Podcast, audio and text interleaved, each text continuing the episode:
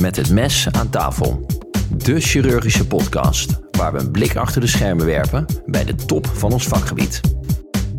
Beste luisteraars, vandaag met het mes aan tafel met Victor Alberts, Lars Brouwers en collega AJOS Anne Kuijer, die vandaag aanschuift voor het eerst. Anne, welkom. Dankjewel. Een richting binnen de chirurgie die nog niet eerder ter sprake is gekomen bij onze podcast is longchirurgie. En dat terwijl het een officiële differentiatierichting is met uitdagende operaties en spannende nieuwe ontwikkelingen. Daarom is het de hoogste tijd om het hierover te hebben met niemand minder dan Hermine Scheurs. Hermine is oncologisch, gastro-intestinaal en longchirurg bij de Noordwest Ziekenhuisgroep en tevens medisch manager van het Oncologisch Centrum. Ze is jarenlang opleider geweest, lid van allerlei commissies en recent ontving zij de zilveren legpinning van de Nederlandse Vereniging voor Heelkunde. Onder andere voor haar bijdrage aan de longchirurgie. We gaan vandaag praten over longchirurgie voor maligne indicaties, maar eerst, Hermine, waar ben je opgegroeid en uh, opgeleid? Uh, dankjewel. Um, opgegroeid ben ik in Twente, in een klein dorp.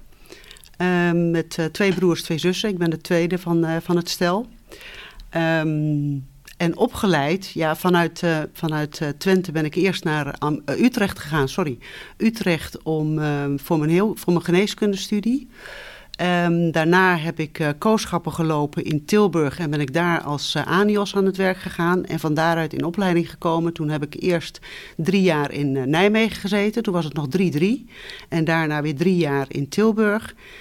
Daarna twee jaar, bijna twee jaar in uh, Nieuwegein gewerkt. En van daaruit ben ik in Alkmaar terechtgekomen. Een rondje Nederland. Rondje Nederland. Um, en we gaan het vandaag hebben over uh, de longchirurgie. Um, en we begonnen eigenlijk meteen met dat het een officiële differentiatierichting is. Maar eigenlijk ook weer niet. Want het is niet een volledige differentiatierichting. Oh, nou, nou, nou dat doe ik daar de longchirurgie tekort Ja, dat doe je de longchirurgie tekort. Het is een, een volledige differentiatie. Alleen is de praktijk momenteel zo dat op zoveel plekken longchirurgie wordt uitgevoerd... dat je niet een hele praktijk kunt vullen met alleen longchirurgie. En daarom heeft iedereen daarnaast nog een ander aandachtsgebied. Um, zal dat veranderen? Want dan is direct de volgende vraag: is dat goed of is dat niet goed? Nou, los van een waardeoordeel, is dat iets wat aan het veranderen is? Ja, dat is iets wat aan het veranderen is. De afgelopen jaren is er al veel meer gecentraliseerd en, en ook geregionaliseerd. We zijn van zo'n 200 ziekenhuizen waar longchirurgie werd gedaan, nu uh, naar 40, iets meer dan 40 ziekenhuizen.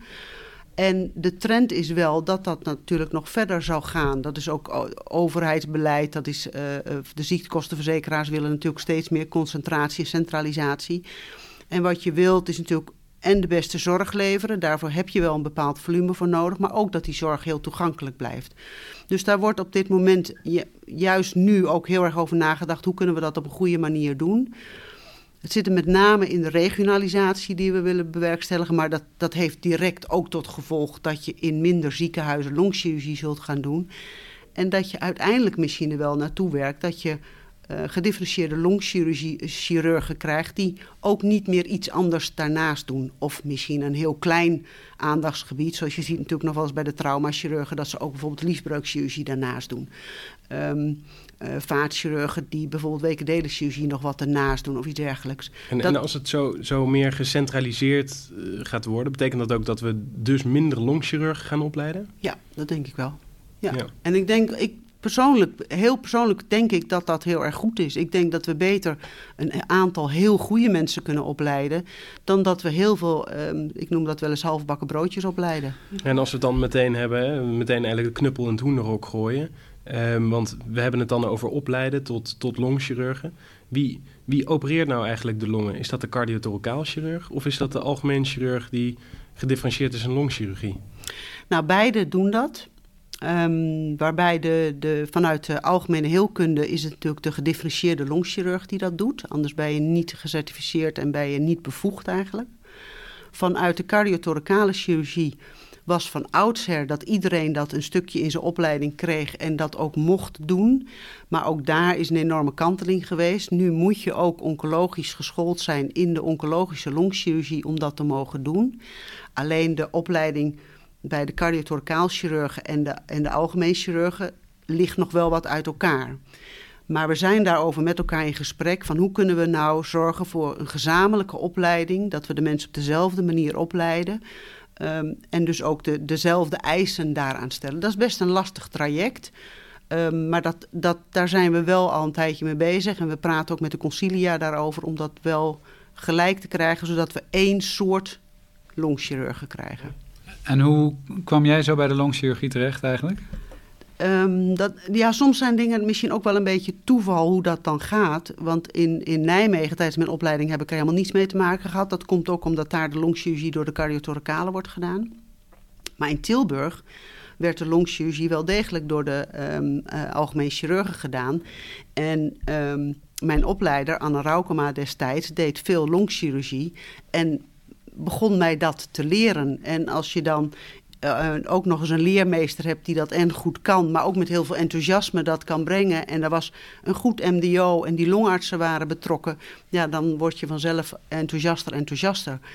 En dan wil soms ook een beetje het toeval dat toen ik hier kwam voor de, voor de plek oncologische chirurgie, dat daarmee ook een plek longchirurgie vrij viel, omdat er ging een vaatchirurg weg die de longchirurgie deed. En daar hadden ze verder niemand anders voor. Dus dat paste eigenlijk perfect samen. Nee. En, en hoe ziet jouw praktijk er nu uit? Dus hoeveel dagen in de week uh, opereer jij longen? Uh, standaard opereren we uh, op de woensdag altijd de longen. Dat is een hele longendag, want dan hebben we ook een specifiek team. En dan hebben we ook uh, eigenlijk altijd een, een, gespecialiseerde anesthesist daarvoor. Afhankelijk van hoe druk het is, komt daar een half of een hele dag bij. Dat, dat wisselt een beetje. Onderwerp. Onderwerp. Onderwerp. Onderwerp. Van de week. Um, ja, dan wilden we eigenlijk maar overgaan naar even wat cijfers. Um, voor de longchirurgie voor longkanker. Uh, longkanker is namelijk de op drie na meest voorkomende kanker in Nederland. En uh, 85% uh, bedraagt het niet-kleincellig longcarcinoom en ongeveer 10% het kleincellig longcarcinoom. En verder zijn er nog een, ja, verschillende andere soorten tumoren, neuroendocrine tumoren, uh. Maar Hermine, is het eigenlijk voor een chirurg uh, belangrijk uh, wat voor subtype longkanker het omgaat? Um, deels wel. Want um, het, het, niet, het kleincellig longcarcinoom is helemaal geen operatieindicatie. Dat is eigenlijk altijd uitgebreid gemedicineerde ziekte. Je hebt meestal een heel klein tumortje en overal uitzaaiingen, met name in de lymfeklieren, maar vaak ook wel uitgebreider. Dus dat is een ziekte die je niet met het mes kan genezen. Dan de uh, niet-kleincellige longcarcinomen. Daarvan doet het er in ieder geval op dit moment nog niet zo heel veel toe. Wat voor type dat precies is. Of dat nou een adenocarcinoom of een plaveisselcelcarcinoom is. Dat maakt eigenlijk voor de operatie niet uit. Neuroendocrine ook niet zozeer.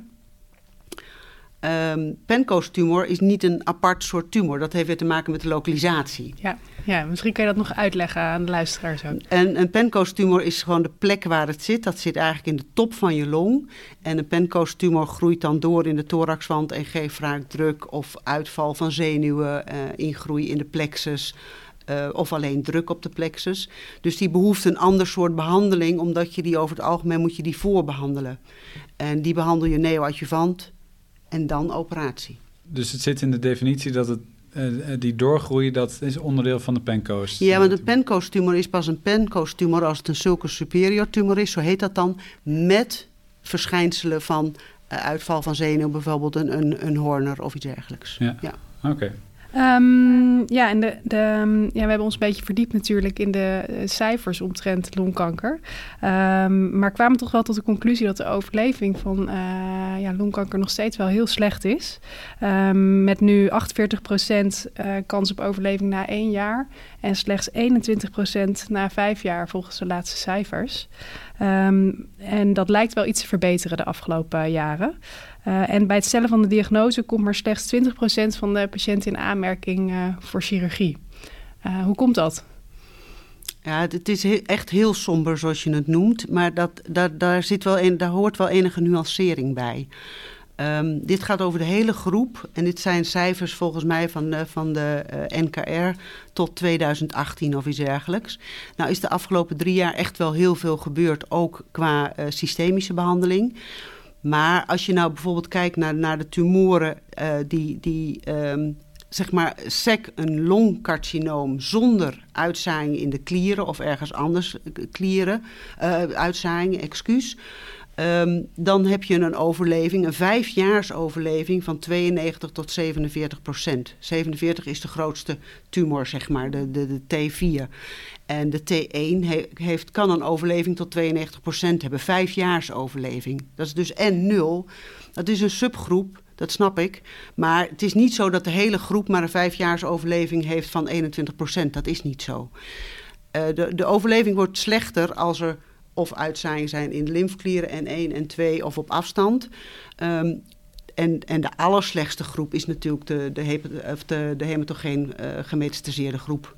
En die doen het echt heel slecht. Die hebben volgens mij een, een vijfjaars overleving van 2% of zo. Nou, gelukkig zien uh, de chirurgen dan de, eigenlijk de gunstigste groep van, van de longkankerpatiënten. En voordat ze bij jou terechtkomen, hoe ziet het diagnostische traject eruit? Is dat uh, over het algemeen hoesten, x-thorax en diagnose? Of uh, gaat er meer aan vooraf? Ja, dat, dat is natuurlijk een stuk wat bij de longarts ligt. Um, er is een speciale vlekkenpolie en soms wordt er ook per, per, toeval, als mensen voor iets anders komen, wordt er een vlekje op de long ge, gezien, zoals dat dan heet.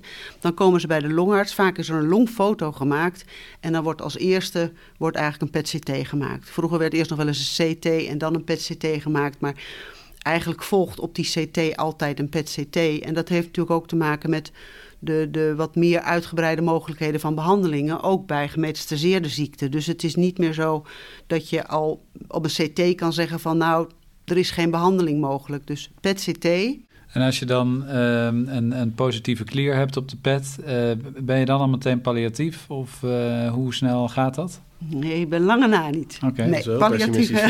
ja. Nou ja, volgens mij als, als je een uh, verreklier hebt, dan, dan uh, heb je wel problemen, geloof ik, toch? Een verreklier heb je problemen, maar wat we binnen de longchirurgie en sowieso binnen de, de, de oncologische longgeneeskunde, is, het, is dat stadiëren echt ontzettend van belang. Omdat dat maakt uit wat zijn je behandelingsmogelijkheden en um, wat is je prognose. Dus het gaat er heel erg om van, is het een klier die uh, inderdaad ver weg zit, dus bijvoorbeeld een supraclaviculaire klier... Uh, of zit de klier aan de andere kant dan de kanker. Dat is ook niet echt heel erg prettig. Um, dat noemen we N3-klieren. Die zijn prognostisch slecht. En dan praat je al niet meer over chirurgische behandeling.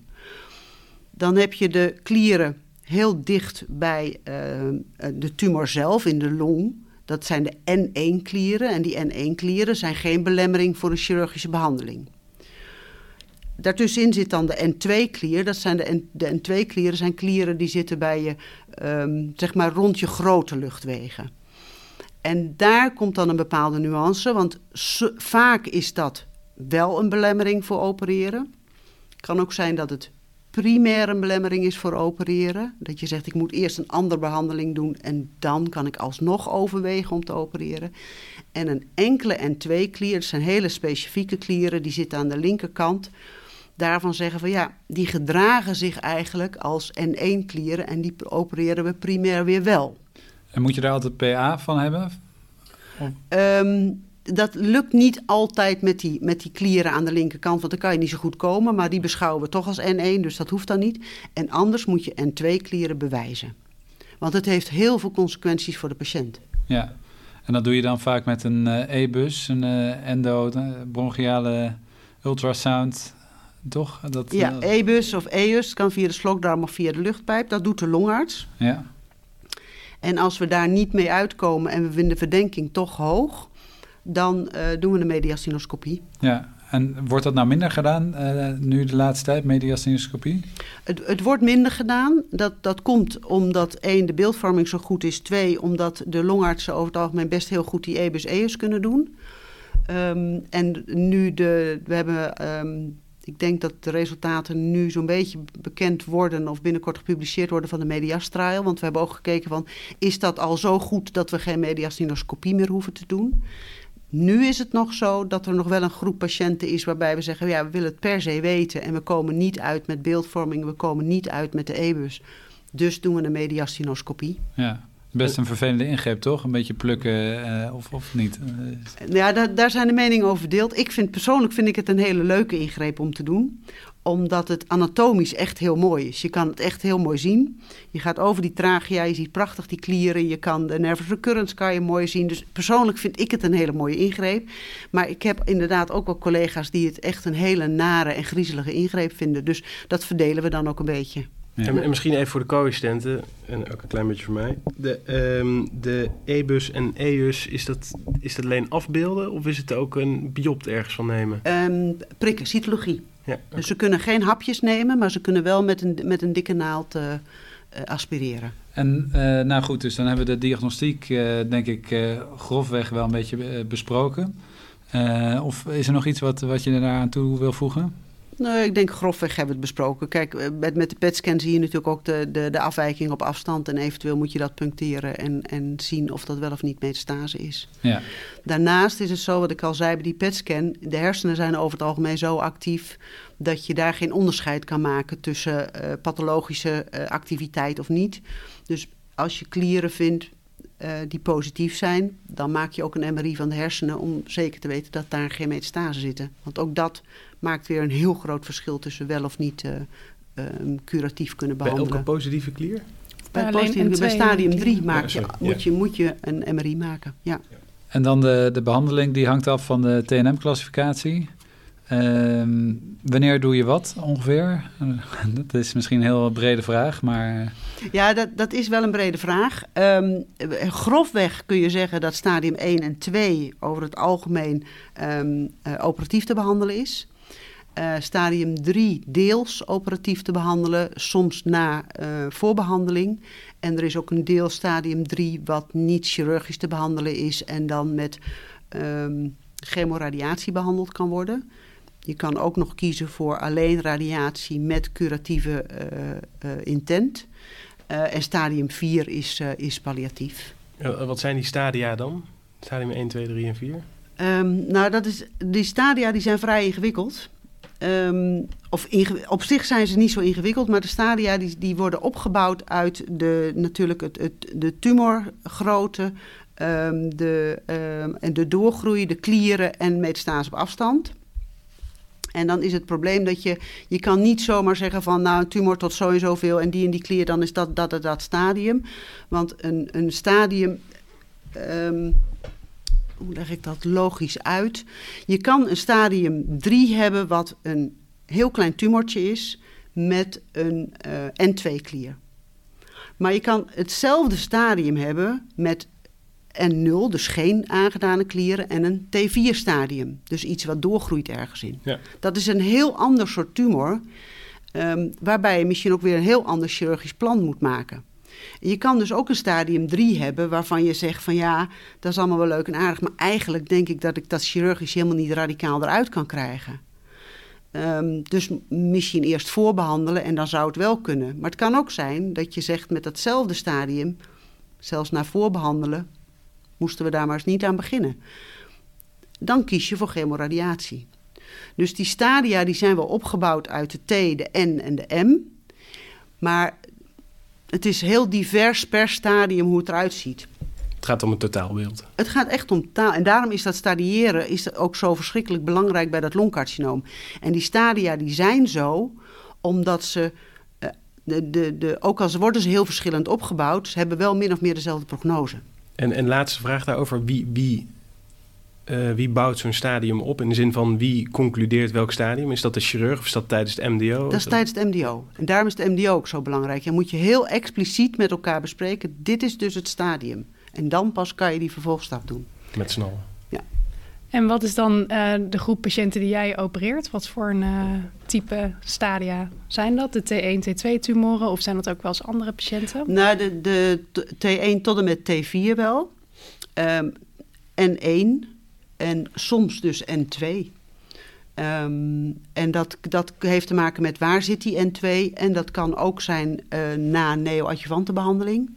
Um, het kan ook zijn omdat een bepaalde behandeling dan faalt, dat je alsnog gaat opereren. Uh, of omdat het terugkomt na bijvoorbeeld eerdere bestraling. Dat, dat komt ook eigenlijk en dat is niet, niet omdat de, de radiotherapie zo slecht is, maar omdat er natuurlijk een groter cohort is met mensen die bestraald zijn, zie je natuurlijk ook vaker mensen bij wie iets faalt. Ja, en bemoeilijkt dat jouw operatie dan?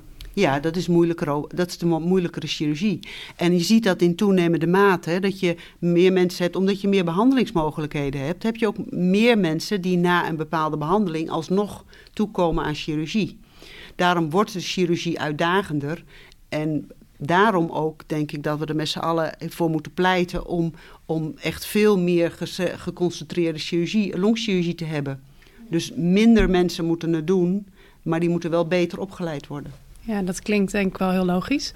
En wat zijn de, de pre-operatieve dingen die je dan allemaal doet? Dus je hebt het, eh, eh, de diagnose gedaan, je, je zet een behandelpad, ga je in. En dan uiteindelijk moet een patiënt nog eh pre-operatief longfunctietesten krijgen.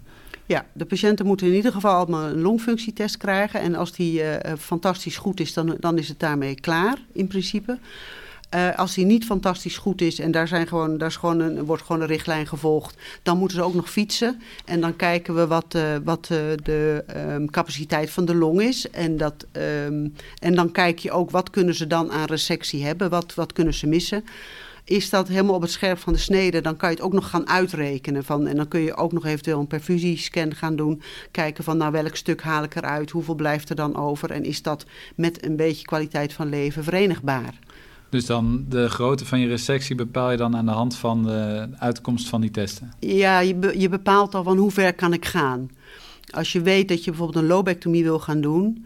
ehm, je- er kan natuurlijk altijd iets zijn per operatief dat het toch tegenvalt... of dat het toch verder doorgegroeid zit. Dan moet je weten, kan ik door met een pruimenectomie? Kan die patiënt dat hebben? Nou, als die patiënt dat kan hebben, ga je door. Maar als je weet dat die patiënt dat niet kan hebben... ja, dan stop je dus. Dan zeg je, ja, dan kan het er niet uit. Ja. Ja, en we hoorden helemaal aan het begin dat dan 20% van de patiënten eh, bij diagnose nog operabel is. Ligt dat dan voornamelijk aan die longfunctietesten? Vallen mensen daar vaak nog op af? Of is het eerder dat de stadia al te ver gevorderd zijn? eh? Ehm, nou, dat, kijk, operabel zegt iets over de conditie van de patiënt. Die komen niet bij ons als ze niet operabel zijn. En als het niet resectabel is, eh, dan komt dat door het tumorstadium. Ehm, wat nog wel aardig is, en dat is al wel aardig om, om dat toch nog even te vermelden van die, van die longfunctietesten. Want we hebben natuurlijk prachtige manieren om mensen te laten fietsen en te laten blazen, et cetera. En soms is het toch een beetje twijfelachtig. En wat we dan doen, dan laten we de mensen gewoon bij ons op de poli komen. En dan gaan we met ze het trappenhuis in. En dan gaan we twee trappen lopen. Of twee verdiepingen, want dat zijn vier trappetjes. En dan moeten ze die kunnen lopen terwijl ze met ons een gesprek voeren. En als je dat kan, en dat is ook gewoon wetenschappelijk bewezen, dan kun je een longresectie, kun je in ieder geval een lobectomie aan. ja, dat is wel een mooie hands-on, eh, simpele test. Wat briljant, want dan ben je geopereerd door de chirurg die met jou het trappenhuis heeft doorlopen. En hoe bepaal je nou, eh, ehm, je had het net over als je, dat je bijvoorbeeld een eh, lobectomie wil doen. En als, dat, als er dan toch doorgroeien is, dan, dan eh, moet je doorpakken naar een pneumectomie. Eh, is een lobectomie de kleinste ingreep of kan je ook een wicht doen? eh, of is dat nooit oncologisch? Nee, een wig is nooit oncologisch, maar je kunt ehm, wel soms een segmentresectie doen. Je kan ook kiezen voor één of twee eh, segmenten, zelfs drie kun je voor kiezen.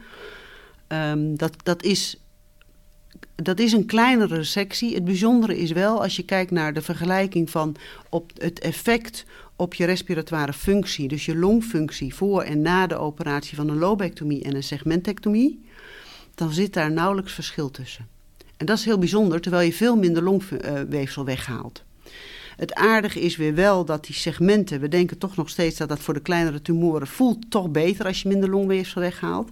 Een segment is hetzelfde als een wig. Of- Nee, een wig is, dan haal je er gewoon een taartpuntje uit. En bij een segment haal je echt een, een oncologisch. Dan ga je vanuit, vanuit zeg maar centraal, zoek je de arterie op, de venen op en de bronchus. Dan haal je echt dat, dat stukje wat, wat apart verzorgd wordt door een bloedvat en door een bronchus haal je eruit.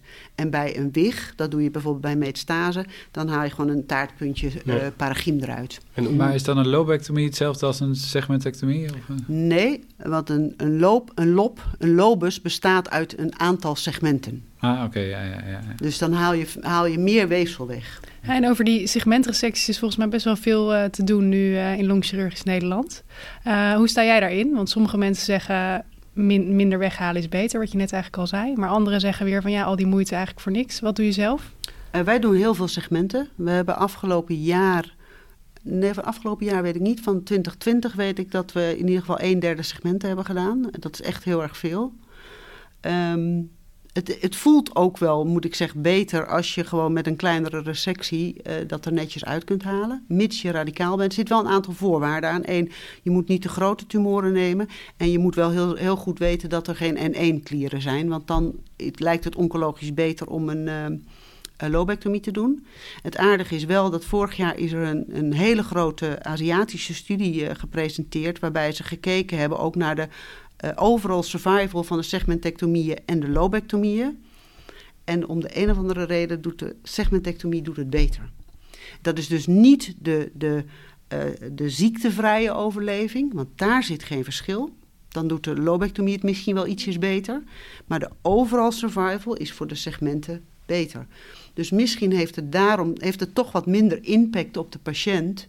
En is het toch beter om een segment te doen als dat kan.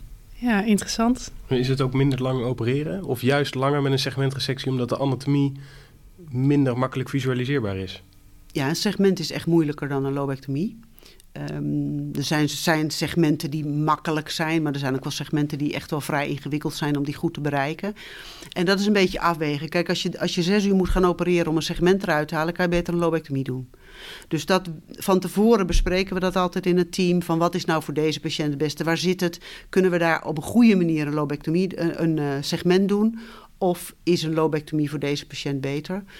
Qua tijd maakt het niet zo heel veel meer uit. Ook daar word je natuurlijk handiger. Als je het vaker doet, word je daar gewoon handiger in. En doen jullie uh, dit soort operaties samen? Of, ja, uh, wij doen alle, alle parachiemresecties doen we allemaal samen.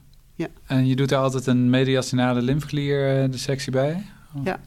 Dat is een standaard dat, onderdeel van ja, alle dat standaard on, En dat moet, want je moet, een, je moet na de operatie weten...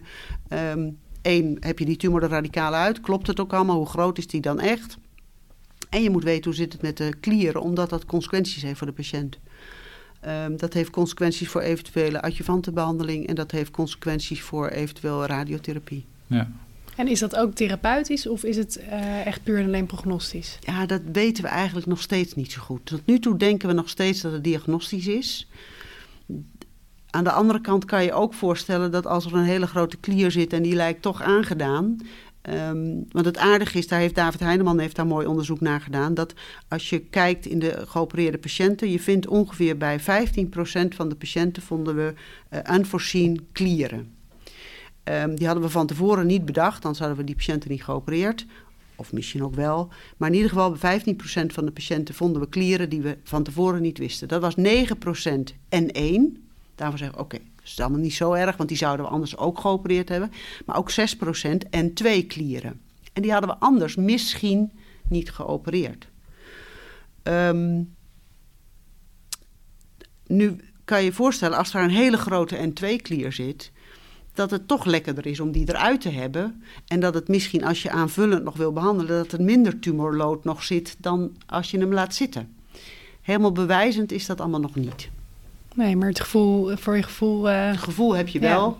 Nee, zeker. Maar goed, ook daar zal nog wel verder onderzoek naar gedaan worden. En, en ook daar zullen wel meer getallen over komen wat we uiteindelijk echt moeten doen. Want alles wat je doet. Kijk, er zijn ook mensen die zeggen: ja, je moet altijd alles uitruimen. Ja, dat heeft ook, heel, heeft ook weer conse consequenties en complicaties. Want wat zijn de consequenties? Nou, kunnen, complicaties kunnen, zijn? kunnen zijn gewoon letsel van zenuwen, letsels van, van de bronchus, van de trachea, infectie en dat Mhm. soort zaken. Ja. Ja, en je hoeft maar één patiënt een mediastinitis te geven. Word je toch niet heel gelukkig van, denk ik. Nee, precies. Nee, en als we nou toch een beetje in de ingewikkeldere operaties weer uh, terechtkomen. Um, wat doe je nou met een hele centrale tumor? Een bilobectomie of dan toch een pneumonectomie? Hoe, uh... Als het echt niet anders kan, dan, dan uh, doe je een pneumonectomie.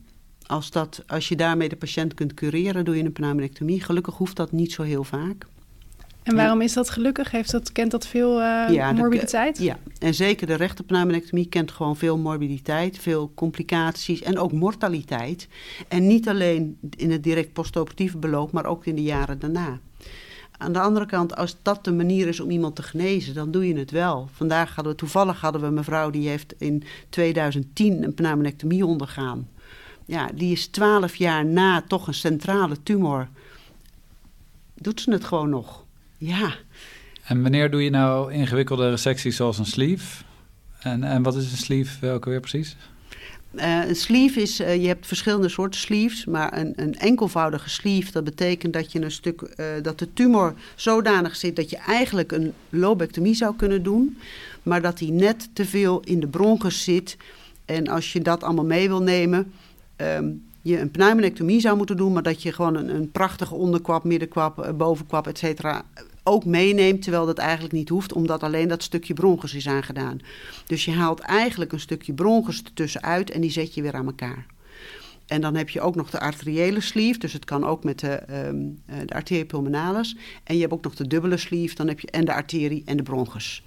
Dat zijn wel grote ingrepen, denk ik. Dat zijn grote ingrepen, ja. Maar het, het mooie is wel dat je soms dan prachtig een, een kwap kan sparen. Um, kan dat gewoon met een vats? Ja, dat kan met een vats. Is wel ingewikkeld. Ja. Is wel en ik moet zeggen dat een, een dubbele sleeve met een vats hebben wij nog nooit gedaan. Ja. Dat, wij noemen dat nog steeds de pièce de résistance. Want er zijn ook niet zoveel patiënten die je op die manier... Want dan is vaak die tumor zo vaak al, al doorgegroeid... of hebben ze N2-klieren... dat het merendeel van, dat, van, dat, van die patiënten komt niet meer voor een resectie in, in aanmerking. Dus het is een uitzonderlijke groep. Um, maar we doen wel af en toe wat sleeves. Als dat moet, dan doen we gewoon een sleeve. Het is wel technisch een hele mooie operatie.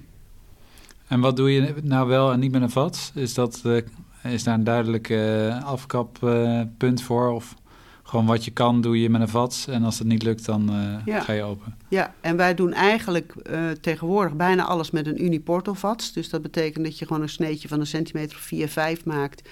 En door die poort, dus één poort, werk je. En daar haal je ook het, het, preparaat naar buiten. Daar gaat de drain weer door en uh, dan sluit je het. En het voordeel van, de, van die vats, is, van die uniportal vats, is dat je de ribben niet hoeft te spreiden. Dus je hebt een, een toegang. En eigenlijk, als je, je moet een beetje kijken naar welk uh, instrumentarium je hebt. Je moet instrumentarium hebben wat natuurlijk niet precies in die poort uh, opent en sluit, maar met een iets ander scharniermechanisme, et cetera. Um, maar de, de, mensen herstellen daar heel snel van. Ze krijgen ook geen epiduraal meer. Ze krijgen gewoon lokaal in de thorax, geven we intercostaal blok. Um, herstellen heel snel. We opereren op woensdag en het merendeel gaat op vrijdag naar huis. Mooi. En dan heb je een operatie ondergaan waar je vroeger gewoon echt 10 dagen, 14 dagen voor in het ziekenhuis lag. Ja. ja. En, uh, en de robot? Um, ja, de robot is natuurlijk met een opmars bezig. Um, tot nu toe is het moeilijk om, om winst van de robot aan te tonen. Als je kijkt naar de, de, de multiportal VATS of robot, ja, dan heeft de robot nog meer armen dan een multiportal VATS. Uh, nu zijn er ook, er is met name één Spanjaard en die, die is, ja, die, dat is een, een, een ziener en die probeert van alles uit. En die doet het nu via de Uniportal, doet hij dan de, de, de robotresectie. Wow. Daarvan, ja, daarvan kan je ook zeggen van ja, moet dat dan allemaal en wat kost dat allemaal wel niet? Dat is helemaal waar, maar op een gegeven moment als je je wil ontwikkelen en je wil steeds betere chirurgie doen, moet je ook wel uitproberen hoe de, of je technologische vooruitgang kan boeken. En er is nu net een studie is, uh, is gepubliceerd waarin ze hebben gekeken naar de Uniportal VATS en de Robot VATS. Via de Uniportal, of nee, niet eens via de Uniportal. En dan zie je dat het qua herstel, pijn, et cetera niet uitmaakt. Maar de robot is wel net iets beter in staat om de klieren netjes eruit te halen. En dat kan je wel voorstellen, want die robotarmen ja, die kunnen bewegingen maken die wij met het instrumentarium niet helemaal goed kunnen. Dus uiteindelijk zullen we die kant toch wel opgaan. Voor nu is het misschien wel wat kostbaar, maar ja, je moet ook wel een beetje nadenken over de toekomst. Um, er verandert best heel veel. Er gaan toch meer mensen ook behandeld worden vooraf die we daarna nog weer gaan opereren. Dus ja. Hmm. Nog heel even een, een, een, vraag terug naar de oncologische resectie. Want we hebben het met name ook gehad over um, de tumoren die meer centraal zitten. Maar wat nou als de tumor niet centraal zit en juist eigenlijk eventueel ingroeit in de thoraxwand? Dan neem je een stukje mee. Simpel en dan laat je gewoon de, ja. de, de, ribben weg en dan is het oké? Okay. nou ja, dat, dat ligt natuurlijk een beetje aan waar het zit. Maar eigenlijk komt het daar wel op neer. En het aardige is, uh, vind ik nou echt leuk dat je dit ook vraagt. Want we hebben afgelopen jaar hadden we iemand met inderdaad thoraxwandresectie. En eerder deden we, maakten we eerst dan de kwap los en dan zat hij nog vast aan die, aan die wand. En dan keek je van buiten af, waar moet ik mijn snee zetten en dan haal ik een stuk eruit. En dan maak je dat weer dicht. En afhankelijk een beetje van de grootte van het defect moet je daar nog iets tussen zetten of weer iets overbruggen of et cetera. Ehm, nu hadden we niet zo'n hele grote ingroei en hebben we via de Uniportal VATS, dus van binnenuit, hebben we de ribben doorgenomen en hebben het losgehaald en eruit gehaald. Dus dan hadden we gewoon nog prachtige bedekking, de huid was verder intact. Uh, dus dat kan ook. Dus zo ga je elke keer een stapje verder in je operatietechniek. Ja, het klinkt als een chique oplossing. Ja, was ook heel ja. chic. Ja. ja. vonden wij ook. Ja. En ingroei in het pericard, dan haal je dat ook gewoon, gewoon een stukje... Nou, ingroei in pericard zou ik verwijzen naar de, zou ik naar de academie verwijzen. Omdat je dan kan of de thoraxchirurg of samen met de thoraxchirurg kunnen ze doen. En daar hebben ze natuurlijk ook de hart-longmachine. Um, dat is veiliger voor de patiënten. Ja. Dat doen we hier niet. Diafragma? Ja, diafragma wel. Ja. Haal je ook een stukje tussenuit en ja. dan reef je het? Ja, reef je het of je zet er een mat tussen. Ja, oké. Klinkt allemaal zo makkelijk, hè? Ja, dat, dat klinkt heel makkelijk. En dat, dat is ook zeker niet de bedoeling. Want dat, is natuurlijk, dat zijn grote ingrepen. Heeft ook heel veel impact op de patiënt. Moet je heel goed plannen, goed voorbereiden en denken van hoe, hoe pak ik het aan. En zeker niet eventjes dat op een namiddag gaan doen. Dus dat doen we altijd met z'n tweeën, vaak ook met z'n drieën zelfs. En dat is niet eens zozeer dat je zoveel mensen, zoveel handen nodig hebt, maar wel, je hebt het verstand van zoveel mensen nodig. Om erover na te denken van zal ik nou zus, zal ik nou zo, moet ik een beetje linksaf. En, en zeker als je ook um, met het open, als wij dingen doornemen, ook met, met de VATS op het scherm, vraag altijd eens, beter me eens, ja, beter me eens, ja. En zo ga je door. Want soms kijk je er net anders naar, dan zegt iemand, ho, zie je wel dat je, oh nee, oeh, niet gezien. Nou, gelukkig, ging net goed, hè. Dus we zijn heel erg van het samen opereren en samen die dingen doen. En dan kan je het ook goed doen. En een bloeding kan hard gaan en het zicht is zo weg met een vats. Een bloeding kan heel hard gaan. Ja. Dan uh, postoperatief, wat is, uh, iedereen krijgt een thorax drain na de operatie. Wanneer haal je die uit?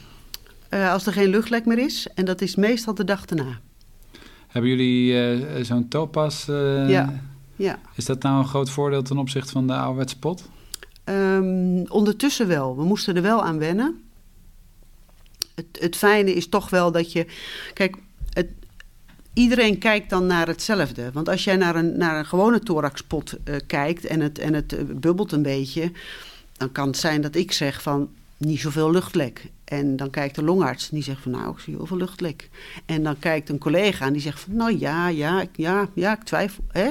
Dus dat is heel subjectief. En een momentopname. En een momentopname. En op die topaas kijk je gewoon en dan zie je wat er gewoon gebeurd is. En je ziet allemaal hoeveel milliliter er nog uitkomt. Waar we aan moesten wennen is wel, um, je moet hem heel goed afplakken, want hij, hij zuigt gewoon vals lucht aan anders. En we zijn ondertussen zijn we ook uh, geëvalueerd van uh, Topa zei altijd ja, waterslot is min 8. En wij zeiden, nou vinden we wel heel veel, dus een min 5. Maar we zetten hem tegenwoordig op min 2. En daar is, gelukkig is daar ondertussen ook weer evidence voor dat dat gewoon beter is en dat je sneller die drain eruit kunt halen. We gaan ook naar steeds kleinere drains toe. Um, dat geeft minder klachten bij mensen, want het, het, het, het, het, toch een beetje, het geeft toch een beetje, een beetje last. Um, en meestal kan die de dag na operatie eruit. En ja, ik denk dat er, er komt een moment dat we bij sommige patiënten misschien niet eens meer een thoraxdrain doen. En als je dan, stel dat je dan toch luchtlekkage hebt, dan, dan zie je dat gewoon postoperatief op een foto wel. Of, of wat is dan de gedachte? Nou ja, dan hoop je dat je geen luchtlek hebt. Want anders heeft de patiënt een probleem, dan heeft hij gewoon een pneu. Ja. Um, maar er lijkt wel een bepaalde groep patiënten waarbij, kijk, als mensen zeg maar een volledige fissuur hebben en je hebt eigenlijk helemaal geen paragiem hoeven doornemen. En je blaast die long op postoperatief en je ziet geen enkel luchtlek. En check je dat dan altijd nog met uh, water of zo na de operatie? Nee, dat doen we niet meer. We kijken wel naar het spiroverlies op de, op de uh, monitor van de anesthesist. Um, maar verder checken we dat niet meer. Geen en we maken ook geen controlefoto meer daarna. Hmm. Nee. En wat, uh, wat is een Claggett holte en wanneer leg je die aan? Een klekkertholte is een, um, zeg maar een, een thoracostomie. Je maakt eigenlijk, je opent de abscesholte, die dan de, de thorax is een soort abscesholte. Je gebruikt het bij een NPM. En als je dat niet schoon krijgt en die patiënt blijft problemen houden en die heeft geen weefsel genoeg zeg maar, om de holte te vullen, want dat is eigenlijk vaak het probleem. En het is begonnen bij de, bij de, na de pneumonectomieën. Ja, dan heb je geen weefsel erin. Dan kan je er zijn allerlei andere mogelijkheden om dat proberen te vullen. Maar je kan ook besluiten om een klekkertholte te maken. En dan open je de thorax. Je knipt er uh, over een behoorlijk traject in ieder geval twee ribben uit. soms drie. En dan hecht je de huid aan de pleura parietalis. Doe je dat niet, dan in no time gaat dat weer dicht zitten en, en, en sluit zich dat ook. Dus je moet zorgen dat dat niet aan elkaar kan groeien. Um, en dan heb je een open uh, holte waar mensen niet meer ziek van worden, kan je spoelen. En dan heb je tijd om te bedenken van hoe dan verder. En als je hem helemaal schoon krijgt, kan je ook secundair weer sluiten. Dus dan haal je de huid en de pleura weer van elkaar af en dan kan je het sluiten. Of je legt er omentum in, of spier, of wat dan ook.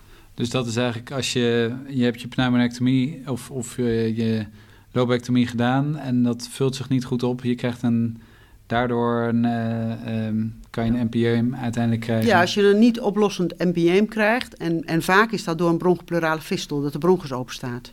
Ja. En ja, dat, dat kan. Heel, na pneumonectomie, zeker aan de rechterkant, kan dat vrij makkelijk. Um, kan ook als mensen voorbehandeld zijn of zoals bestraald zijn. Of, uh, en dat is echt wel een hele nare, vervelende complicatie. En als je dat niet goed behandelt, is de mortaliteit is enorm hoog daarvan. Oké, okay, en uh, pleuritis carcinomatosa, zijn daar nog opties voor binnen de chirurgie? Iets van een HIPEC of... Uh, nee? Zie je daar toekomst in? Nee, daar zie ik ook geen toekomst in. En waarom niet? Omdat het, dat is een heel ander soort zieke, ziekte dan een, um, uh, dan een uh, peritonitis carcinomatosa. Dat is metastase in je buikholte, maar een, een pleuritis dat zit, dat zit overal. Dat zit in de thorax, maar dat zit ook in de long en dat zit in de lymfe.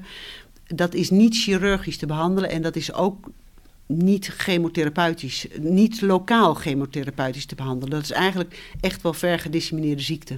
Dus voor nu zie ik daar geen mogelijkheden voor. Um, kan natuurlijk best zijn dat in de toekomst met combinatie immunotherapie, et cetera, daar nog wel mogelijkheden voor, zijn, voor komen. Maar op dit moment is dat een heel ander soort ziekte dan een peritonitis carcinomatosa. En wat zijn volgens jou nou de belangrijkste ontwikkelingen nu binnen de longchirurgie van, het afgelopen, van de afgelopen tijd? Binnen de longchirurgie denk ik toch uh, de, de minimaal invasieve chirurgie. Dus dat we echt, echt veel minimaal invasiever, waardoor mensen veel sneller opknappen. Daarnaast uh, het, het um, het hele eerarts- en prehabilitatie gebeuren. Dat is dan niet chirurgisch technisch, maar dat heeft wel gemaakt dat je en meer mensen um, operabel krijgt en dat mensen veel sneller en beter herstellen. Um, en tot slot, wat, wat heel erg aan het veranderen is en wat, wat vooruitgang is voor de patiënt, maar wat wel de, de chirurgie ook heel erg beïnvloedt, is steeds meer mensen die je neoadjuvant behandelt. Um, dat we tegenwoordig zelfs mensen uh, opereren die toch één metastase hebben, bijvoorbeeld.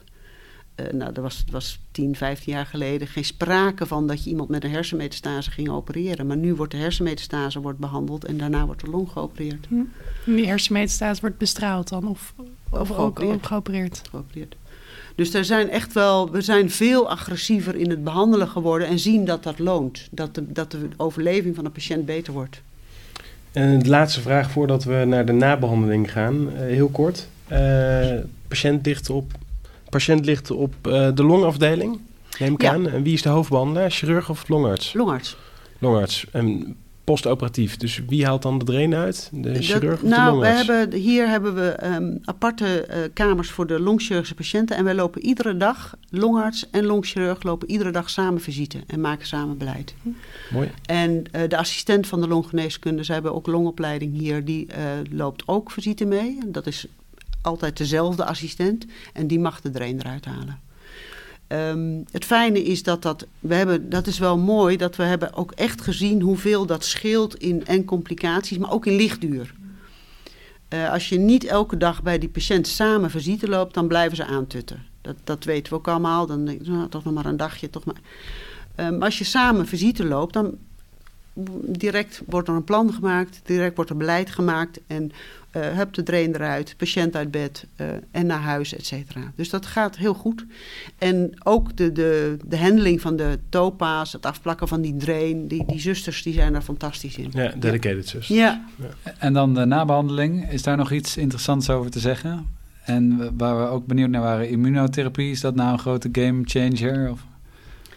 Ja, dat denk ik wel. Na nabehandeling, er is, nabehandeling is wel geïndiceerd bij um, stadium 2, stadium 3 um, patiënten. Uh, radiotherapie is alleen geïndiceerd als je een R1, dus microscopisch irradicale ziekte hebt. En soms kan je het overwegen bij N2-ziekte, maar tegenwoordig wordt eigenlijk dan meer adjuvant uh, chemotherapie gegeven. Um, en de immunotherapie is een enorme gamechanger. Je, je ziet nu lange overlevers van gemetastaseerde ziekte. Uh, je ziet mensen waarbij er op een gegeven moment geen aantoonbare ziekte meer is. Um, patiënten die primair niet resectabel waren, dan toch in de fase komen van misschien wel. En geef je dat als nabehandeling of is dat... Uh, nee, immunotherapie is nu volgens mij geen uh, nabehandeling. Nee, nee. Uh, wel voor gemetastaseerde ziekte of als mensen uiteindelijk door de gewone chemo heen breken. Um, dat zal wel veranderen, denk ik. Mm. Ik denk dat dat, dat, dat uiteindelijk de, de uh, adjuvante behandeling van, van voorkeur gaat worden. Omdat je natuurlijk ook steeds beter weet wat voor type tumoren er zijn. Er wordt steeds meer moleculaire diagnostiek gedaan. Dus dat gaat veel meer personalized medicine worden. Ja. Quick 4. Uh, dan gaan we door naar de Quick 4. Um, wat is je grootste passie buiten het ziekenhuis? Daar, dat, ik heb heel veel passies. Uh, mijn grootste passie is denk ik um, uh, cello spelen. Dat is een grote passie. Um, verder sport ik graag en veel. En meestal is dat uh, fitness, kickboksen, hardlopen, duiken, skiën. To name a few? Of, uh... ja, to name a few. Maar dat doe, die andere, die laatste twee doe ik maar één keer per jaar of zo. Of twee keer per jaar hoor. Echt veel vaker mag het allemaal niet hier. Mag niet vaker weg. Ja. Um, en ik ben een enorme uh, knutselfrutsel. Dus ik hou van, uh, nou niet zozeer van klussen, maar wel van uh, knutselen, vreubelen. En allerlei dingen waar ik heel erg hard om uitgelachen word altijd. Zoals borduren vind ik ook leuk. Maar ook mozaïeken maken vind ik ook leuk. Dus van allemaal dat soort dingen. Gevarieerd palet. Ja. En wat zou je uh, zijn gaan doen als je geen chirurg was geworden? Ja, dat is een moeilijke vraag. Want dat is een beetje afhankelijk van het moment waarop je dat gevraagd zou hebben. Als ik, als ik geen geneeskunde, als ik niet ingelood was voor geneeskunde, dan was ik waarschijnlijk, um, had ik geprobeerd hogere hotelschool te doen. En had ik een hotel willen hebben, niet te groot, maar wel een mooi en leuk hotel. Um, als ik was afgewezen voor de opleiding, dan weet ik niet. Want het werd mij toen ook gevraagd, wat nou als je afgewezen... En ik wist het namelijk echt niet. Ik had geen idee. Um, als je het nu vraagt met de kennis van nu, denk ik dat ik misschien ook wel um, radiologie best een mooi vak had kunnen vinden. Of misschien wel psychiater was geworden of zoiets dergelijks. Maar dat is met de kennis van nu. Maar toen had ik geen idee. Toen dacht ik, ja, nou, misschien dan maar niks of zo. Ja. Dan maar zes kinderen krijgen of zo.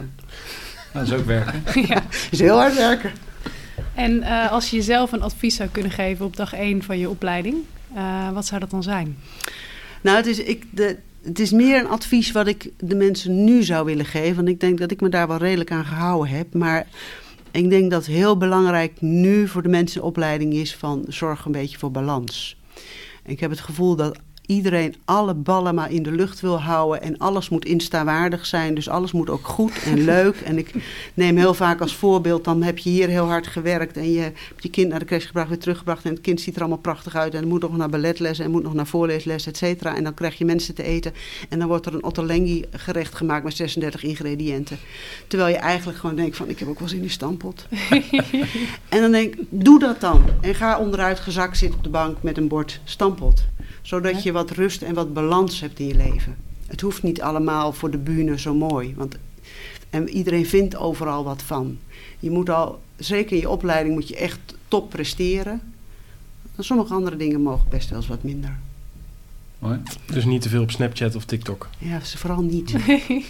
Wat is de grootste verandering geweest binnen de chirurgie tijdens je carrière?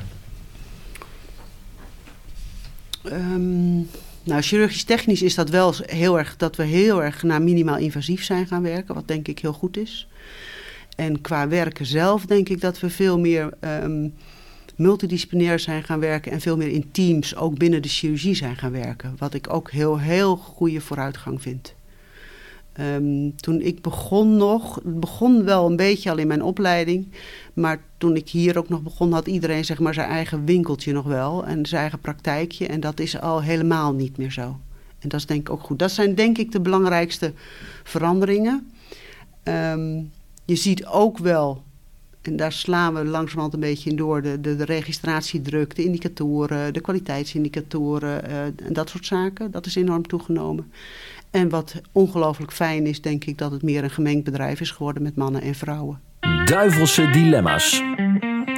Dan uh, gaan we door naar de duivelse dilemma's. Die uh, heb je als het goed is niet uh, in de voorbereiding te zien gekregen. Die houden we graag een beetje geheim. Je mag er één kiezen uit de dilemma's die we je voorschotelen. Um, dan beginnen we eenvoudig misschien. Um, centralisatie van de longchirurgie in een paar hoogvolumeklinieken... of een volwaardige differentiatie longchirurgie tijdens de opleiding? Eén omdat um, dat eerste zal direct leiden tot een volledige differentiatie. Ja. Dus twee is inherent aan één. Duidelijk. En wat is belangrijker in de opvoeding van je kinderen? Uh, tafelmanieren of schoolprestaties? Tafelmanieren. Dat is helemaal geen duivels met een dilemma. en als je het aan mijn kinderen vraagt, zeggen ze dat ook. Ik heb, we hebben gehoord dat een van jouw dochters uh, op adelstand uh, werd geschat, ja. omdat ze zo netjes eet. dat klopt, dat klopt. En daar, daar, ben ik nog steeds heel streng in. En daar was ik ook heel streng in. Dat ze netjes leren eten, netjes rechtop zitten. Um, en, en nu zijn ze er heel blij mee. En toen vonden ze het toch wel heel streng. Uh, totdat ze op een gegeven moment ook, dat is wel mooi, dat ze op een gegeven moment zaten ze een keer ergens, toen waren ze nog niet eens zo heel erg groot te eten. Het was op een wintersportvakantie en daar zat iemand die ging zitten eten. En die had het bestek, nou ik kan het niet eens nadoen. En die zat met open mond. En dat mijn kinderen ook keken. Dat ze, oh nee, dat moeten wij ook niet willen. dus, nou, ja. Een AIOS een labgol leren of een AIOS leren skiën?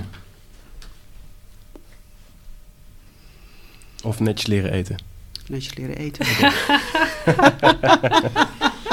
uh, dan bolen met het gezin, een thoracotomie op de SEH of oranje aquariums drinken in het skiweekend.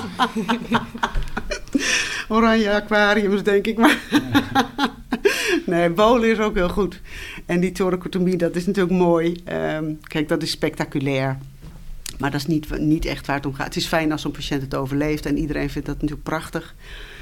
Um, maar dat is niet echt waar het om gaat. Nee.